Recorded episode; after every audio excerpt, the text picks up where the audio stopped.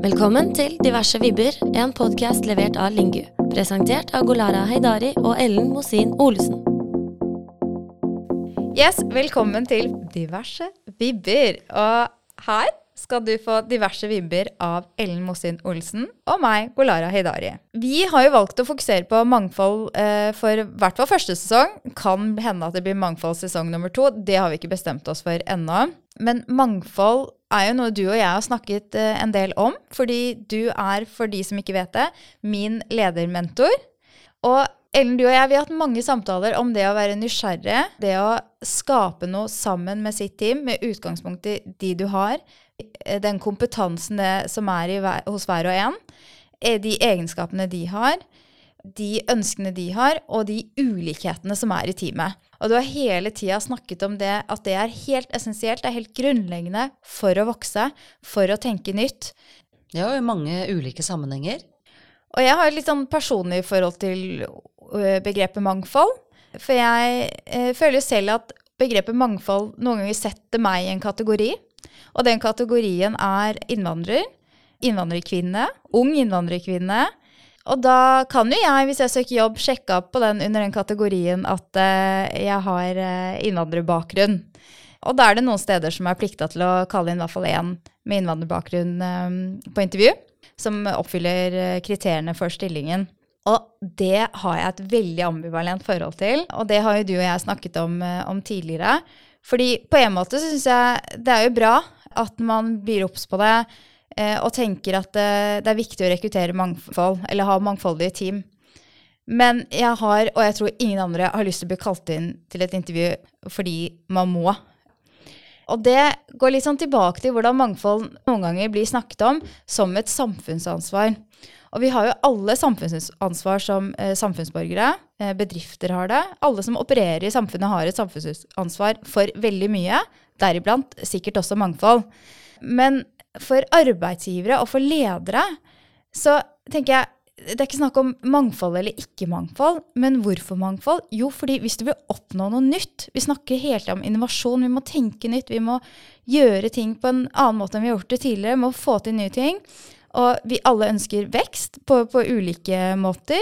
Vi ønsker vekst, og da kan du ikke få det til uten å ha ulike perspektiver med deg på reisen. Og ulike perspektiver får du av ulike folk. Folk med ulik bakgrunn, uh, ulike ståsteder, ulik utgangspunkt.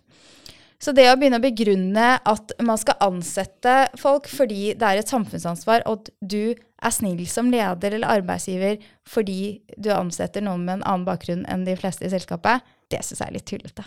Og jeg er så enig med deg i det, Golara. Og det er klart det er ingen som ansetter noen for å være snille. Man ansetter mennesker som man trenger, som har en kompetanse, en personlig egnethet til den jobben de skal utføre. Alle i en bedrift skal være med å nå bedriftens mål. Så, så det samfunnsansvaret som du snakker om, det, det, er en, det, er en, veldig interessant diskusjon sånn isolert sett. Og hele vår podkast begynte jo også med dette med språklig mangfold. Fordi vi tenkte at når du kommer fra ulike land, kan, så kan du ulike språk. Eh, og da har du også en kjennskap til ulike kulturer, og med det så har du ulike perspektiver. Men det er jo ikke et samfunnsansvar. Det er jo en styrke for en bedrift å få med mennesker på laget som har disse ulike perspektivene. Og det syns jeg er en fin diskusjon. Ja. Og vi begynte jo litt med å ha fokus på språklig mangfold. Fordi det er noe vi jobber med i Linju. Vi er jo eh, språkkurstilbyder for eh, både privat og offentlig sektor.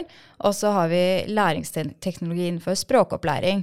Så det var veldig nærliggende for oss eh, å se først på språklig mangfold, for vi uh, jobber med mange bedrifter som har et språklig mangfold hos seg.